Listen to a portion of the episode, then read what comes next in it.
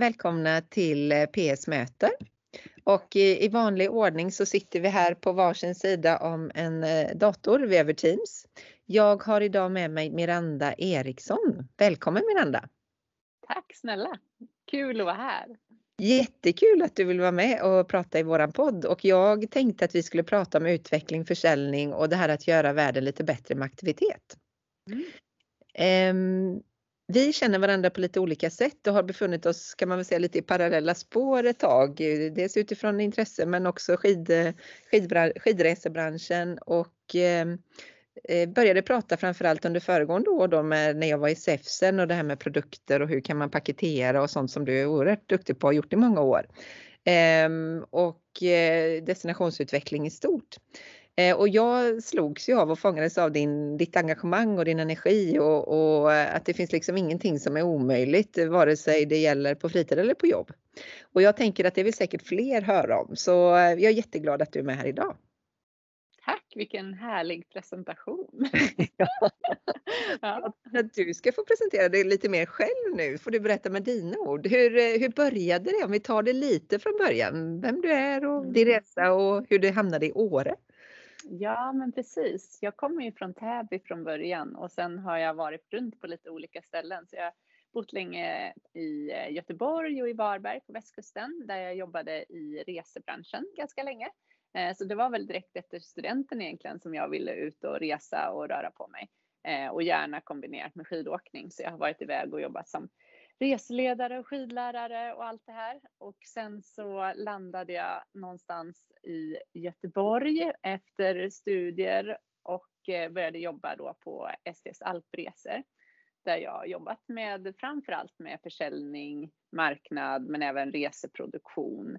Eh, och det gjorde jag väl i sju år så då var jag mycket i Göteborg men reste även mycket fortfarande i, i Alperna. Då. Eh, så Ja, efter det så, all parallellt kan man väl säga med att jag jobbade i resebranschen så utvecklade jag kanske mitt intresse för träning och rörelse och har gått en del utbildningar inom det och liksom, jag brinner ju för att få människor i rörelse. För jag ser ju, ja men dels vet jag själv hur jag mår när jag har varit ute på fjället och rört på mig men man ser det också på andra och jag tycker det är så fantastiskt att få vara med och liksom inspirera andra till det här och att liksom steget inte behöver vara så stort att eh, ta sig ut och det spelar inte så stor roll vad man gör men att man, man mår ju alltid mycket bättre efteråt och det är ju fantastiskt roligt att jobba med. Eh, så att eh, jag eh, någonstans för, var det fyra år sedan så startade jag även ett eget bolag där jag eh, jobbar med eh, resor och aktivitet kan man säga, där vi kombinerar det med olika typer av träningsresor och eh, upplevelser och diverse helger och så. Då. Och det är inte bara det, utan det är både barmark och Ja men absolut, det är det. Så att det, eh, det var väl egentligen att det började kanske lite mer med barmark, att jag började springa en hel del eh, ja, det finns ju inte så mycket snö i Göteborg idag oftast. Så att då fick man roa sig med andra saker. Så att då blev det att jag började springa en del terräng och tyckte att det var kul. Jag tyckte inte att det var så kul att springa på asfalt och mäta tider och så. Jag tyckte det blev väldigt så prestationsinriktat så att jag ville liksom mer åt den här upplevelsen på något sätt. Att det var det som var grejen. Eh, och då drog vi igång och körde någon löparresa tror jag ner till Alperna var väl det första som vi gjorde och då vi kombinerade löpning med yoga och ja, härligt gött häng på kvällarna och sådär. Så att eh, ja, det var väl kanske där det började. På vintrarna har vi gjort längdresor, vi har gjort eh, cykelresor, yogaresor och sen har det liksom bara eh, tagit av och, och blivit mer liksom. Och du har ju eh, en som jag är väldigt fascinerad över, du gör också tävlar en del. Eh, mm. Jag har berättat om den här när ni skulle ta ifrån Åre till eh, norska kusten på x antal dagar. Det är inte sådana resor du gör men, men för andra, men för dig själv, du får hemskt gärna bara dra det lite kort. Det tycker jag är oerhört inspirerande. Ja, absolut. Nej, men jag har väl alltid tyckt om att, att, röra på mig så, men jag har ju aldrig varit någon sån här superatlet inom något, utan lite sådär halvdan på mycket liksom, men inte riktigt bra på någonting. Men jag triggas ju av utmaningar och jag är nog jag har kanske inte trott det så mycket själv, men jag får väldigt ofta höra från min omgivning att jag är en extrem tävlingsmänniska och att jag liksom, ja, eh, aldrig kan liksom säga nej till en utmaning. Och, och jag vet inte riktigt vad det är som driver mig där, men någonting eh, ligger det i det. För att jag, om, om någon presenterar någon form av utmaning till mig som jag liksom tycker låter någonstans lite lockande, men jag tänker nej men det här är väl inte för mig eller sådär, så jag vet inte vad det är, men jag kan inte tacka nej. Jag, jag, jag gjorde för något år sedan var det väl, jag har aldrig suttit på en sån här downhillcykel innan, men så kom jag, så var jag här uppe i Åre då och så skulle det vara en downhill-tävling i en eh, cykelfestival som de ordnade här och sa, ja men ska du inte vara med på den? Så tänkte jag, men jag har ju aldrig suttit på en downhillcykel, kan, kan jag vara med? Ja, klart du ska med. Så jag anmälde mig till den här downhill-tävlingen och har liksom sa att ja, men då får ni liksom se till att jag får starta sist så att ingen kommer och liksom så att jag inte kommer stoppa upp hela det här startfältet. Jag fick ju då start nummer två i tävlingen. Jag bara, åh, perfekt.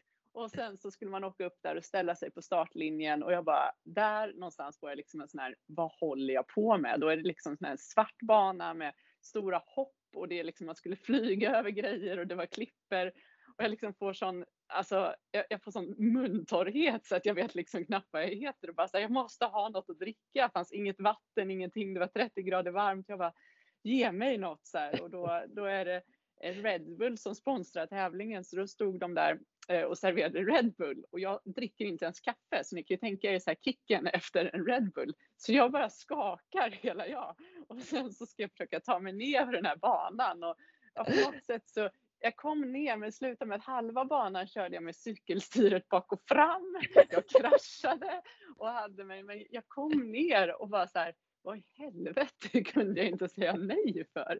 Men liksom kicken efteråt, den liksom, det är ju ändå något som ja, är så coolt liksom, så det får, en, det får mig att vilja göra andra saker liksom. Så att jag, ja, jag vet inte, kanske dumdristigt, men jag ser ofta inte riktigt varför ska inte jag kunna göra det här? Om det är andra människor som kan så borde jag väl också kunna, tänker jag.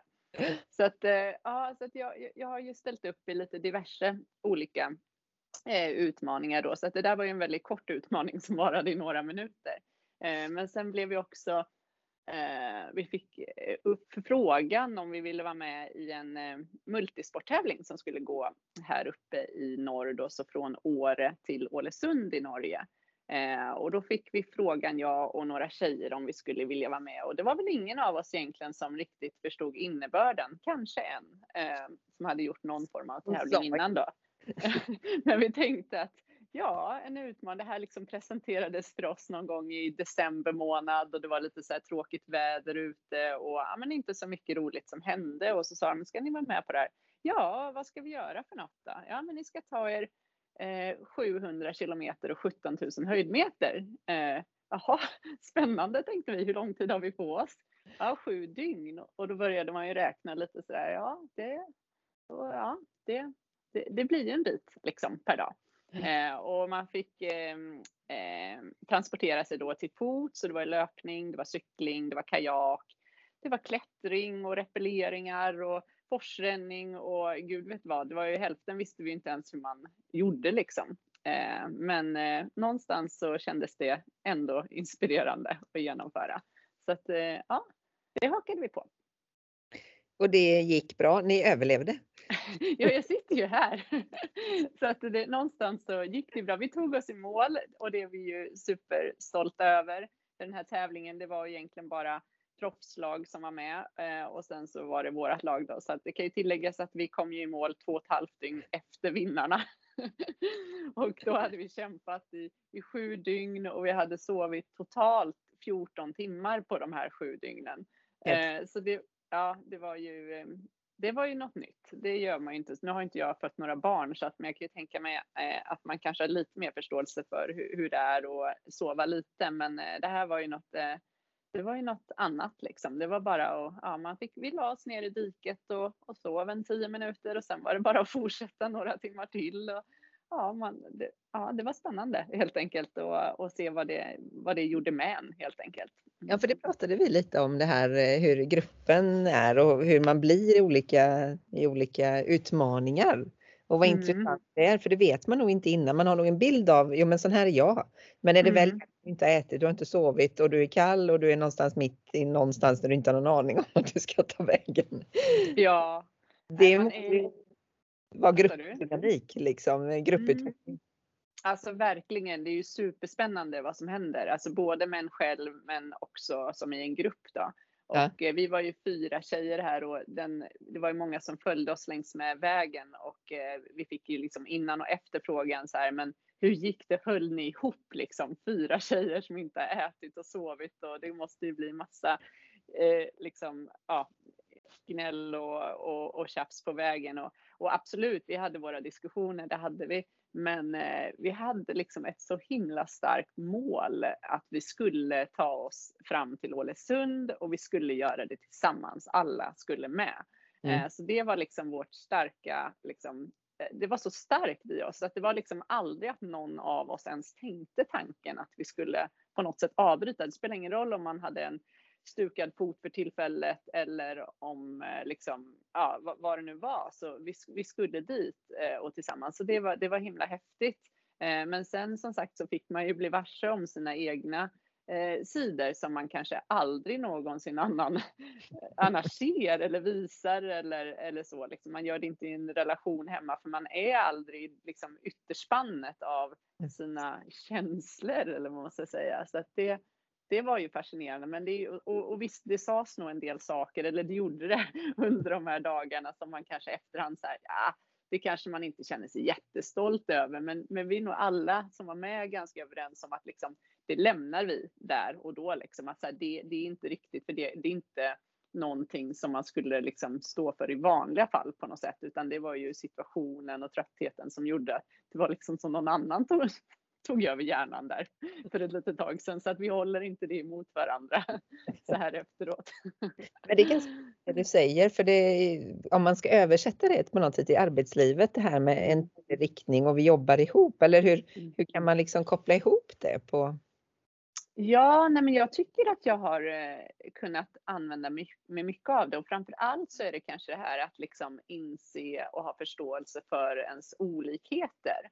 Mm. Eh, att man, man pratar ju ofta om det, liksom att alla i team behövs. Liksom. Men ibland kan jag tycka när, när man inte är i en så utmanande, position, liksom, utmanande situation att, ja, men, att det kanske blir lite floskler att säga så på något sätt. Eller liksom jag har lite svårt att, att ta det till mig för jag stör mig på vad den andra personen gör eller vad det kan vara. Men i det här läget så blev det liksom så tydligt att ja, alla, alla behövs. Liksom. Att jag kunde vara jättestark på en löpsträcka Eh, Medan när vi bytte till paddling och jag liksom inte ens, alltså jag sitter och somnar med paddeln i handen och jag liksom inte tar mig framåt. Eh, och då är jag helt plötsligt den svagaste länken, men då är det någon annan som är stark på just det eller någon som bidrar. Vi hade en tjej och hon har ju liksom, hon är den roligaste människan jag känner och liksom det om något behövdes ju på många av de här sträckorna. Då spelar det liksom ingen roll att eh, låt säga att hon skulle varit långsammare just där eller sänkte tempot eller någonting för att hon hon höjde liksom stämningen i laget så mycket så att det,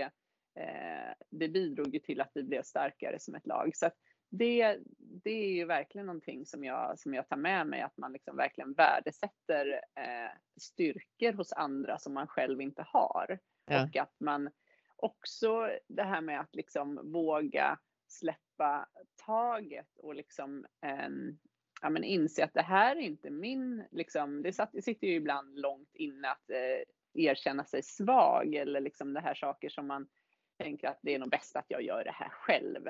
Nej, det är det nog inte faktiskt, utan det är nog bättre att jag lämnar över det till någon annan som faktiskt är, är bra på det.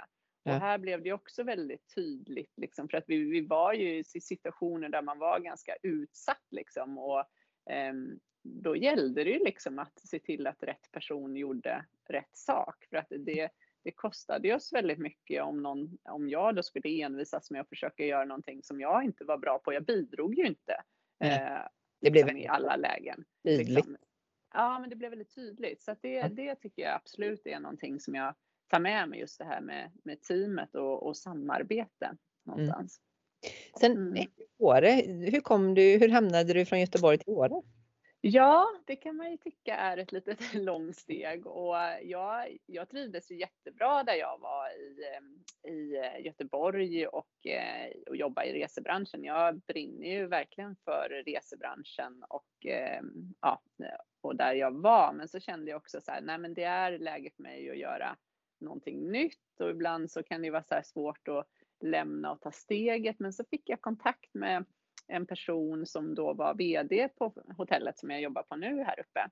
Och eh, hon, eh, ja men jag hade hört att hon skulle vara en väldigt bra person och en, eh, en duktig chef och ledare. Så att jag skrev ett mejl till henne för jag skulle till Åre och springa något lopp och så skrev jag att hej, jag har hört att du är, är väldigt bra, en duktig ledare och en inspirerande person. Jag är också ganska bra. Ska vi ta en fika? och då var hon, eh, då nappade hon på det helt enkelt. Så då tog vi en fika och hon berättade vad hon hade tänkt att göra med det hotellet som hon var VD för då. Och det handlade ju mycket om att liksom göra det till ett eh, aktivitetshotell där man liksom förutom att sälja hotellrum hade ett högre syfte och det syftet var att bidra till en friskare värld. Och det tyckte jag var ett himla härligt syfte. Så att det tänkte jag, vem vill inte jobba med något sånt? Eh, och sen hade vi ganska lika värderingar i hur man skulle kunna göra det. Så att då planterade hon ett litet frö där. Och sen gick det väl någon månad eller två eller sådär. Och sen så hörde hon av sig och sa, du nu har jag ett jobb till dig. Så jag, vad härligt, vad ska jag, spännande, låt höra, vad ska jag göra? Ja, du ska jobba som operation manager på vårt hotell så tänkte jag, fick ju googla direkt liksom, vad är operation manager?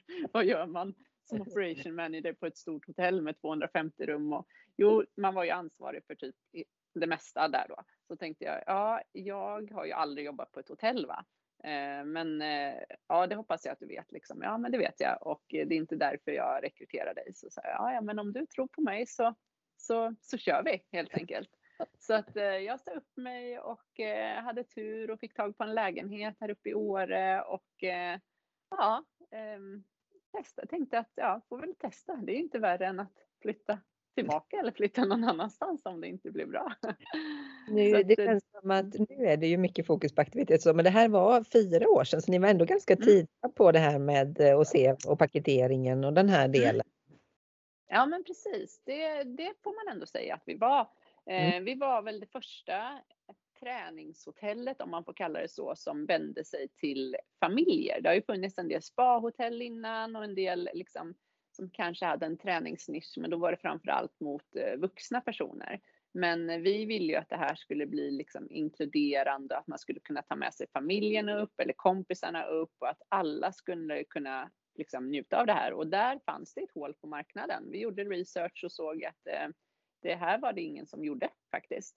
Eh, och vi hade bra förutsättningar för vi har ett stort hotell med mycket faciliteter så det finns liksom ett stort eh, upplevelsebad, det finns bowling, det finns eh, ja, eh, Ja, vi byggde ju sen faktiskt ett jättestort fint gym. Det fanns inte innan, men platt, alltså utrymmet fanns och eh, läget eh, var ju liksom kanon för att vilja komma ut och aktivera sig. Hotellet är beläget precis vid en sjö där man på sommartid kan eh, paddla, man kan suppa, man kan bada, simma.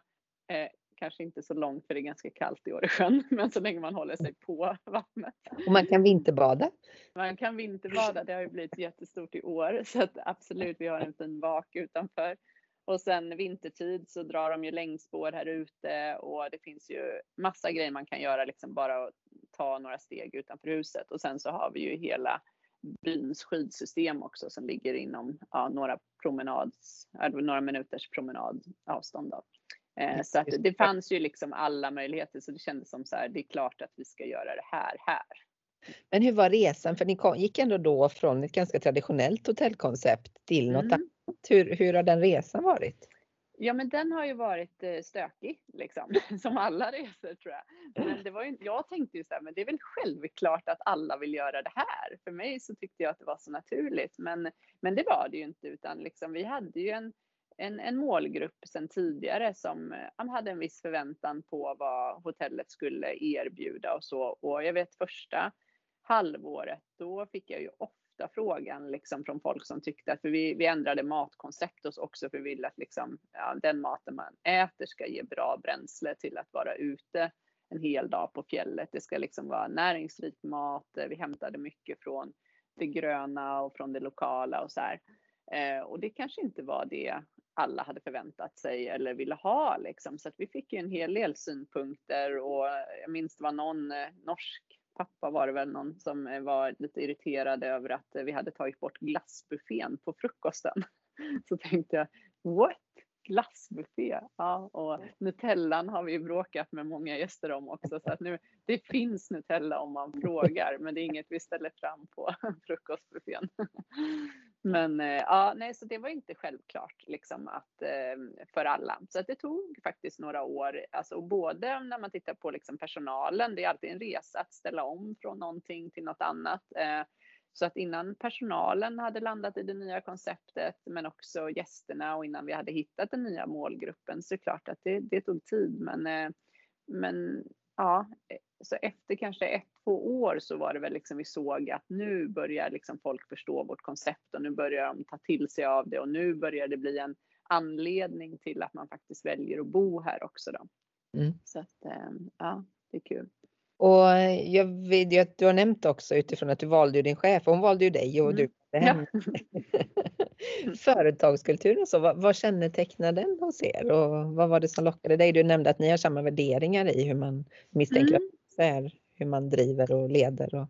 Ja, men precis. Och det jag tyckte var roligt här och spännande och något som gjorde det ganska lite lättare kanske, eh, det var att eh, dels hade vi vårt syfte att vara med och bidra till en friskare värld liksom, och det var det vi kommunicerade ut både internt och liksom till våra blivande gäster och så såklart. Då.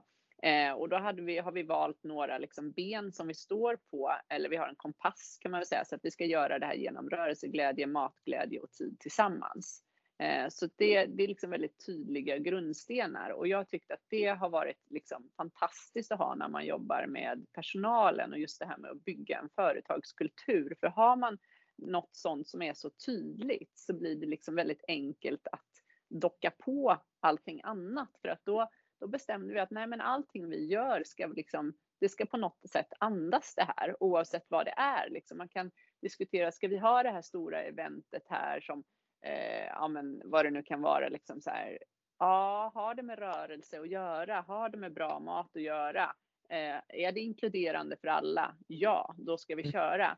Mm. Eh, är det liksom ett event för någon elit, liksom satsande liten eh, grupp här som liksom, eh, ja men kanske inte då liksom, eller om det är stort, eh, jättestor fest eller vad det nu ska vara liksom, så, så kan man ta ställning till det ganska lätt. Och eh, och sen då också att man har det här, ehm, det tydliga, sitt tydliga varför och sin tydliga kompass gör också det att man kan liksom locka medarbetare som, ehm, som har samma värderingar på något sätt. Liksom. Så vi vill ju att det ska genomsyras, inte så att man behöver ehm, eh, vara med i ett adventure race och ta sig från Åre till Ålesund varje dag. Liksom. Det är inte det vi säger, men att vi vill att våra anställda ska gilla att röra på sig, att de ska liksom, eh, sympatisera med vårt koncept. Och, ehm, eh, och det, det tog ett tag verkligen innan vi, vi landade i det, men jag tycker att vi, det, det var hela tiden så tydligt och så enkelt att eh, referera till. Och sen just det här med att man Eh, lever som man lär tror jag är väldigt viktigt och det har vi verkligen gjort tycker jag under den här tiden så att alla våra ledningsgruppmöten i princip har ju vi haft ute på fjället eller i alla fall någonstans utomhus. Vi har alltid inkluderat rörelse i det. Ehm, ja, för vi tror ju på det och det är ju så när vi säljer in konferenser till företag så är det ju det vi pratar om att liksom ha, vi inte, just att sitta inne i en möteslokal, det är inte alltid den mest kreativa miljön och där man liksom får de bästa idéerna utan att eh, ut med er liksom. Så här, det är inte, vi säljer inte hotellnätter här på att vi har de flashigaste eh, konferensrummen utan det är ju snarare att vi har konferensrum utan väggar utomhus. Mm. Eh, men att vi liksom hela tiden också är där själva och, och liksom testar på det själva så att vi får bra exempel på att det faktiskt eh, fungerar. Och så, jag, jag tyckte att det har varit ett väldigt eh, det är liksom ett bra sätt att bygga en företagskultur på. Att man har de här tydliga eh, ja, värderingarna som genomsyrar helt enkelt. Hur, eh, hur lätt är det att få med eh, företag på det här med utomhuskonferenser? För man är så inkörd på att man går in och så sitter man och sen äter man och så gör man en aktivitet på kvällen eller kanske på lunchen. Mm, exakt, eh, och det, det är fortfarande en del företag som vi har här som kommer hit och som bara gör det så att säga. Men jag tycker att man har sett en stor förändring här och kanske ännu mer nu under pandemin då. Nu har ju mm. inte vi tyvärr haft så mycket av naturliga skäl då så har vi inte så mycket grupper just nu då. Men man har ju sett att de för, liksom, ehm, förfrågningar som kommer in nu, det handlar ju mycket om att man faktiskt vill vara ute mera. Så att det har nog påskyndat det lite tror jag. Men redan innan så har vi sett, vi försöker ju alltid liksom att när vi säljer in konferensen så vi pratar inte så mycket om våra konferensrum liksom, utan vi pratar ju om allt annat man kan göra eh, utanför huset eller i våra träningslokaler eller sådär då, hur det kan Liksom, det finns ju massvis med eh, forskning som visar på hur mycket mer kreativ man blir och hur mycket bättre beslut som fattas om han har varit ute och rört på sig innan eller, eller sådär. Så jag tycker ändå att eh, precis på samma sätt som att det tog lite tid innan personalen och eh, våra privatgäster liksom började hitta till oss av den anledningen så är det samma sak med företagen. Så att det har tagit lite tid men nu jag pratade senast igår med ett företag som ska komma hit i september och de ville ha hjälp och liksom de, ja men det första de frågade efter var så här, ja men kan vi, kan vi få äta utomhus? Kan vi göra någon aktivitet kring det eller så där? Så, ja men det är ju superbra, det är precis det vi, det vi vill liksom, att man ska komma ut och göra. Så jag tycker att det, ja, det blir mer och mer sånt i alla typer av företag och det är, det är härligt. Och du har ju då som operations manager eh, lett många människor. Vad, hur ser du på ledarskap och, och hur, hur är du där? Ja, alltså det är spännande för det är ju olika i olika företag. Eller liksom när man kommer in i företag, man ser liksom olika exempel på det. Så där gäller det väl att hitta en, en stil som dels passar en själv men som också passar verksamheten. Men, eh, men så som alltså det jag tror på det är väl liksom det här med att eh, skapa eh, delaktighet och engagemang hos personalen. Att man visar förtroende och att man vågar ge sin personal ansvar. Eh, och det, har väl, det är väl något som jag tror på, men jag märkte att när jag kom in här i hotellbranschen som jag inte, som sagt jag har jobbat i resebranschen och man kan ju tycka att det borde vara samma sak ungefär, så eh, märkte jag att nej, det är ganska stor skillnad faktiskt. Eh, och kanske är att jag jobbar på ett ganska stort hotell där man har, och det, det är en finsk koncern där man är van vid att jobba ganska hierarkiskt. Och det var nytt för mig när jag kom in. Att liksom det var, jag, jag kom in som operation manager och jag förväntades att ha alla svaren på alla frågor. Och jag kände att jag, jag vet ju ingenting här faktiskt, vilket kanske också inte direkt gav massa förtroende hos mina medarbetare, utan de tänkte väl vad är det här för en idiot och varför har vdn plockat in henne? Förmodligen, så de tyckte säkert att vi båda var idioter där ett tag. Men, eh, och jag tyckte liksom så här att när, när jag minns vi hade något möte och de eh, ja, fastighetsavdelningen var med och vi hade på klagomål på att eh, eh, simbassängen var, var så kall. Och så frågade de mig, Miranda vad ska vi göra åt det? Och det här var väl mitt första möte kanske med fastighetsavdelningen. Ja, tänkte jag, vad, höja temperaturen kanske? Jaha. Så eh, du tycker vi ska höja temperaturen? Ja, det tror jag. Så här. Ja, hur många grader?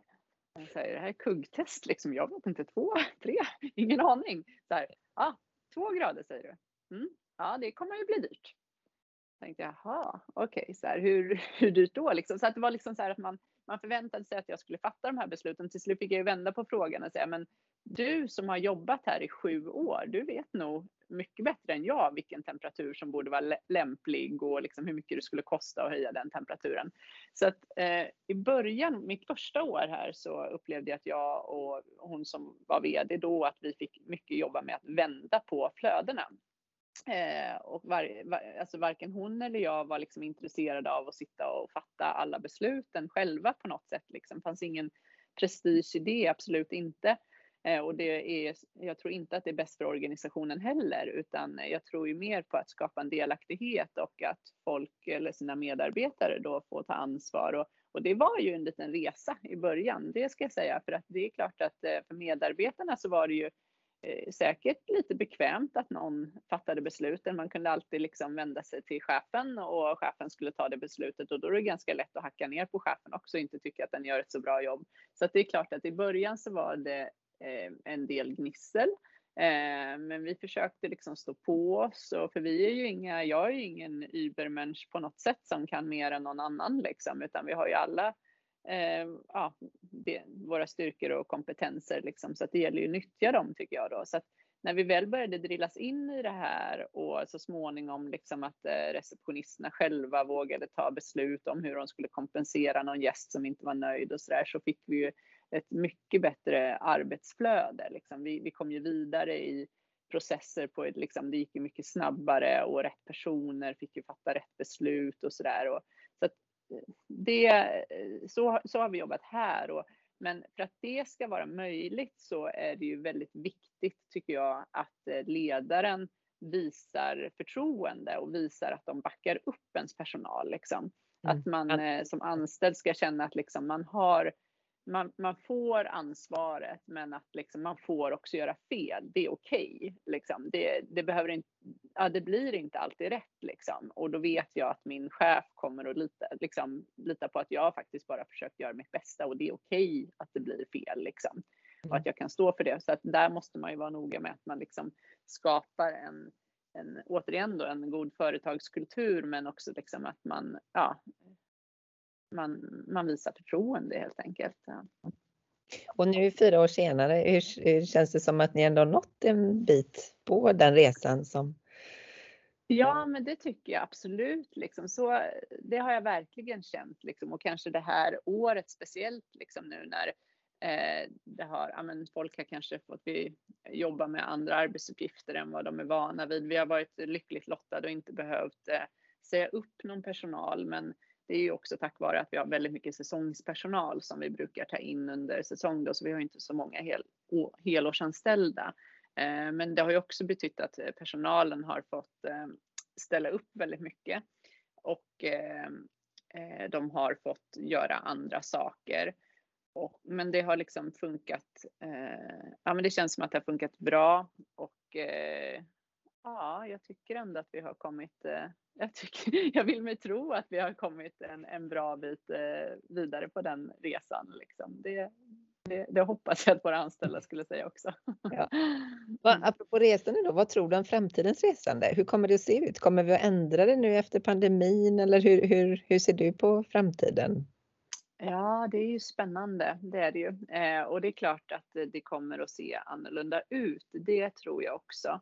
Eh, jag tycker den den trenden som vi har sett och som jag tror kommer att hålla i sig ett tag, det är väl den här eh, Alltså dels att upp, fortsätta upptäcka Sverige, den tror jag kommer att hålla i sig. Vi har ju verkligen sett det, även om vi totalt sett har gått ner eh, naturligtvis här under pandemin då, så ser vi ju liksom ett ökat intresse för svenska fjällen och eh, för det här äventyrliga resandet. Att man liksom vill, eh, Eh, det behöver inte vara liksom storslagna äventyr alltid, men man vill vill komma ut och, och göra något eh, som man kanske inte, ja men, eh, ja men utmana sig själv lite och, och vara utomhus mer och sådär. Så det, det tror jag ju eh, eh, kommer att hålla i sig.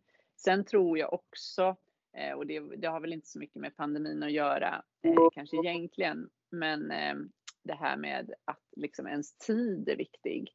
Eh, och att man vill ha saker serverat. Liksom. Det kanske inte är den traditionella charterresan bara där man så har det, det, blir liksom ganska massproducerat. Det kommer säkert finnas kvar det med, men, men just det här att få det lite skräddarsytt, alltså unika upplevelser tror jag att folk kommer att fortsätta att vara ännu mer intresserade av. För det, ska man resa någonstans, det tar ju väldigt mycket tid. Det är kul och många tycker säkert att det är roligt att göra lite liksom research och kolla på saker och ting, men, men sen har vi ju det är ju tid som är bristvaran liksom, så kan man liksom veta om när man bokar någonting att så här, nu ska jag åka till eh, Kebnekaise här och eh, jag eh, eh men, eh, ja, kommer att få liksom en guidad tur här av någon som faktiskt är lokal. Jag kommer att få äta på de bästa ställena och, och allt det här. Någon som tar hand om det och ordnar hela den upplevelsen. Det tror jag kommer eh, verkligen fortsätta att, eh, att växa. Det tror jag.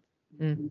Man vill ändå göra de här grejerna men ändå att man kommer upp som vi hade ju förmånen mm. att hälsa på här i Åre på mm. fantastiska hotell och då hade vi fixat, mm. Eh, vi följde med på toppar och middagar och allt sådant. Men just att man har lite tid, man kommer upp, här är det klart, här är skidorna, mm. gå dit, gör det och så får man en helt fantastisk upplevelse. Då optimerar man ju verkligen tiden. Det, ja. Det kan jag nog också för man, ska man börja ha, ska man gå och hyra och vad gör man det och hur går det till? Det finns inte skidorna. Ja, det är så många steg som mm. gör att man kanske, ja det orkar jag inte. Ja men precis och det, jag märker ju, nu kanske det är för att jag bor på en sån plats jag gör också, att liksom det är ju lite semester, eh, semestermål liksom, men att folk hör ju av sig, både bekanta och sådana jag, jag knappt känner faktiskt som liksom vill, vill ha liksom hela den här paketeringen liksom och som, som är liksom fråga, men skulle du kunna sy ihop något sånt här eller ja, så, där. så man märker ju att det, det finns ett, ett behov för det. det, gör det. Mm. mm. Tusen tack, tiden går fort Miranda. Ja, det är jättespännande att höra både om dina äventyr och också den resan som du gör och, ja, och flytten och jag tror att många drömmer om det där som du har gjort, att flytta så nära bergen och bara få ja. lov. Nu vet jag att du inte bara är utomhus, men att när det finns så kan man snabbt komma till en fantastisk upplevelse. Mm. Ja, Nej men så är det ju absolut. Så att, eh, ja, jag kan rekommendera alla att göra det. och flytta till Åre. Jajamän. Ja. Ja, jättespännande att få prata med dig och få gärna fortsätta följa dig. Eh, och eh, om man nu vill jobba hos er på Holiday Club, hur gör man då? Mm. Går in på hemsidan eller hur? Ja, men vi har en karriärsida har vi, mm. där man kan söka jobb eh, som heter teamtailor.se holidayclub. Mm. Eller så går man direkt in på Holiday Club Åres hemsida. Där kan man också hitta lediga tjänster och sådär. Och vill man göra något av de här härliga paketen så går man in på er hemsida och klickar bara och så är allt löst och så bokar man. ja men precis. Eller, vill man, man får, ja, eller man får gärna ta kontakt med mig direkt också eh, och där kanske ja, antingen lägga ett mejl till mig på miranda.eriksson.holidayclub.se eller jag finns på Instagram också, så där kan man hitta mig och ta kontakt med mig så kan jag om inte annat guida vidare till, om jag inte kan hjälpa alla med allt så kanske jag kan guida vidare till rätt person. Tusen tack! Och för mm, er som lyssnar, fortsätt gärna lyssna på PS möter och hör gärna av er till mig om vad ni helst lyssnar på. För mig handlar det om att träffa spännande människor och lära mig nya saker. Och det har jag verkligen gjort idag också. Så tusen tack Miranda, så hoppas jag att vi snart ses i solen i Åre igen. Det hoppas jag med. Du är välkommen tillbaka. Tack så mycket. Tack, tack. Ja, ha det bra. Hejdå.